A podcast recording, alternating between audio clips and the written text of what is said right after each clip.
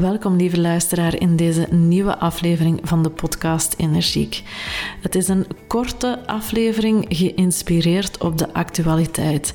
Ik was afgelopen week enorm geraakt door de resignation speech van Lucinda Ardern, de Prime Minister of New Zealand omdat het raakt aan het thema wat mij ook natuurlijk nauw aan het hart ligt. Hoe voorkom je als leider met een gigantische verantwoordelijkheid dat je zelf uitgeblust geraakt in het meekrijgen van je organisatie, van je team?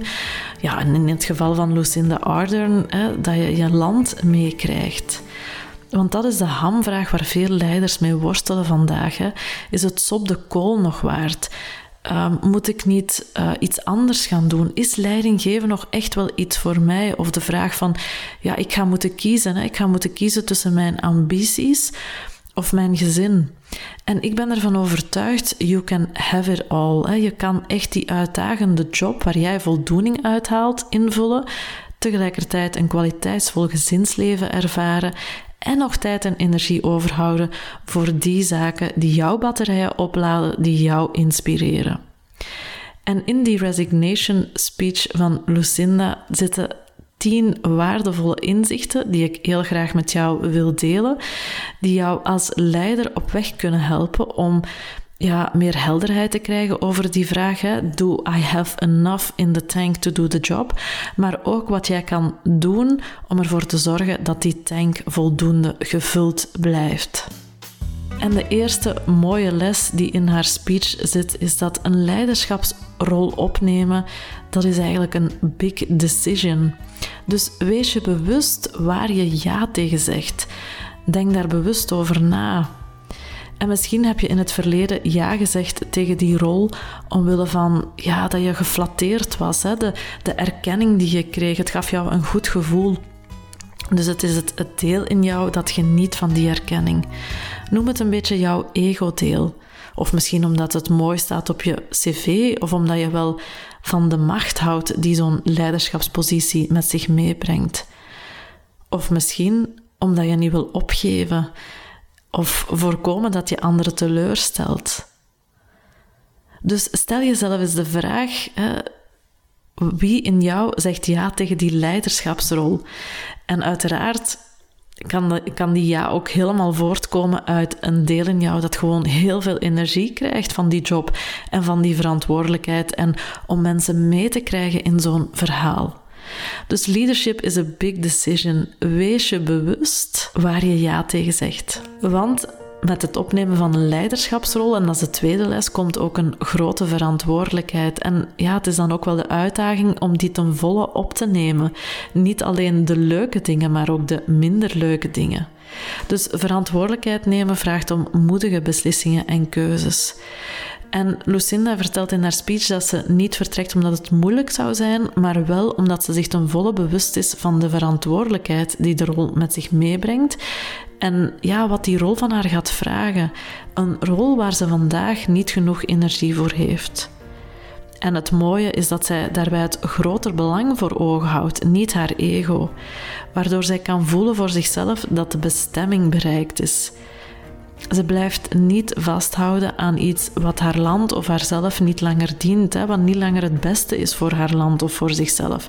Gewoon omdat het zo hoort, omdat ze niet wil opgeven of omdat ze niemand wil teleurstellen. Dus een onderdeel van die verantwoordelijkheid hè, is ook weten wanneer je moet stoppen in je leiderschapsrol. Ook dat is verantwoordelijkheid nemen. Een hele duidelijke energy management is key, hè? niet time management. Dus energy management is zo belangrijk om ja, ten volle jouw potentieel te kunnen invullen. Um, zorg ervoor dat jij over die nodige energie beschikt, die nodige hoeveelheid energie beschikt om die uitdagingen aan te kunnen. En zorg ook voor een extra potje, een extra potje veerkracht, energie voor onverwachte zaken, door goed jouw energie te managen, niet je tijd. En we hebben de mond vol van time management, waarbij we ja, een soort illusie creëren dat we die ganse to-do-lijst die we hebben, dat we die, als we maar efficiënt genoeg zijn en als we maar voldoende over die time management skills kunnen beschikken, dat we dat gewoon geregeld krijgen. Maar het probleem met een to-do-list is dat die nooit afgewerkt raakt. Dus veel belangrijker dan um, ja, dat time management is te kijken naar zijn er gedurende de dag voldoende zaken waar jouw batterijen weer van opgeladen geraken? Uh, doe je de dingen waar jij ook energie van krijgt? Want in een leiderschapsrol geef je ontzettend veel energie aan de uitdaging, aan anderen, aan de mensen in jouw omgeving. En dan is het ook wel belangrijk dat je die dingen doet waar jij energie voor terugkrijgt. En een mooie indicatie dat je meer naar je energiemanagement moet kijken dagdagelijks is, dagdagelijks, is wanneer je meer en meer begint te leven en werken uh, uh, uitkijkend naar het verlof, hè, zodat je leeft van verlof tot verlof om bij te tanken.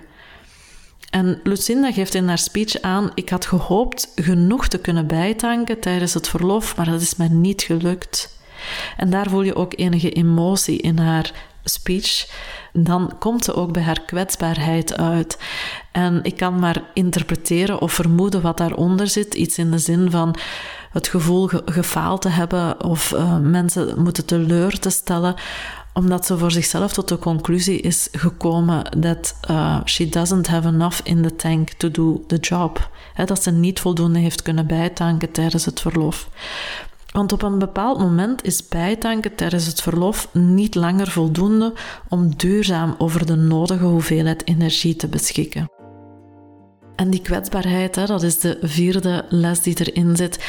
Um, doorheen heel haar speech en ook doorheen de emotie die ze toont, uh, ja, geeft ze toch wel uiting aan kwetsbaar leiderschap. En ze blijft daarin een sterke leider omdat ze niet in de slachtofferrol gaat zitten. Ze gaat er geen medelijden voor vragen. Nee, ze zegt het is niet omdat het uh, moeilijk zou zijn. It's not because it's a hard job. Maar omdat ik gewoon voel ja, dat het voor mij de tijd is gekomen om te gaan. Dus ze vraagt geen medelijden, ze zit niet in slachtofferschap. Maar ze is zich heel bewust van, haar, um, ja, van waar ze zit met haar energieniveau.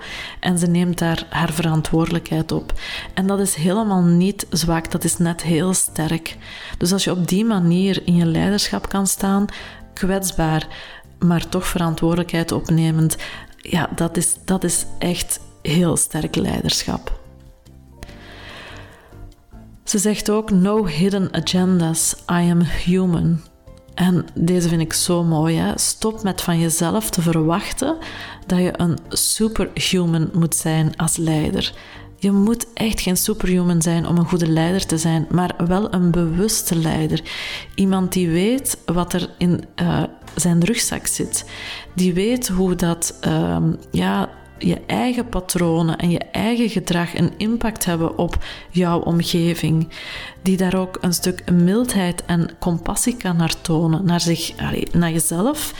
En ja, dus dat je niet eist van jezelf dat je een superhuman bent of wordt. Wat ze ook heel mooi doet, is dankbaarheid tonen voor, of dankbaarheid voelen voor wat er wel is en successen vieren. Lucinda zal ongetwijfeld uh, ook wel verdriet voelen over het feit dat ze bepaalde dingen niet heeft kunnen afronden of kunnen de resultaten neerzetten die ze misschien voor ogen had bij de start. En toch kan ze trots zijn op de dingen die ze wel gerealiseerd heeft, ongeacht wat anderen van de beslissing zullen vinden. Dus zo stilstaan bij die afgelegde weg, wat je wel gerealiseerd hebt en uh, de zaken die je hebt gedaan om de organisatie sterker te maken, om de organisatie achter te laten in een better shape than you found it. Ja, dat is een ongelooflijk mooie kracht. En loslaten uh, die zaken ja, waar je misschien nog niet helemaal hebt kunnen doen wat je uh, wou. Dus heel mooi dat zij die dankbaarheid kan voelen en die successen kan vieren. Een hele krachtige ook is dat ze zichzelf misbaar heeft gemaakt door een competent team achter te laten. Ze zet ook haar team in de bloemetjes. Uh, ze heeft het niet alleen gedaan. En dat geldt ook voor jou als leider. Je hoeft niet alles alleen te doen. Je hoeft niet elke brand zelf te blussen. Uh, het is zo krachtig als je jezelf als leider misbaar kan maken, omdat je je team sterker hebt gemaakt, um, ja, competenter hebt gemaakt. Ze heeft geen plan, no next steps, maar wel een duidelijke purpose die haar drijft in haar leven. Ze wil blijven bijdragen en ten dienste staan van haar land. En vanuit die purpose heeft zij het nodige vertrouwen dat er wel een nieuwe, zinvolle invulling komt. Wat is jouw purpose? Welke bijdrage wil jij leveren? En vanuit welke rol kan jij het beste invulling geven aan die purpose? Misschien um, ben je doorgegroeid als expert naar een leiderschapsrol en ja, heb je nu misschien zelfs vaak het gevoel dat je helemaal jouw purpose niet meer kan leven. Hè? En dan is misschien de vraag wel of je die beter kan invullen vanuit een technische expertise of vanuit een projectleidersrol of vanuit een adviesrol. Dus wat is jouw purpose?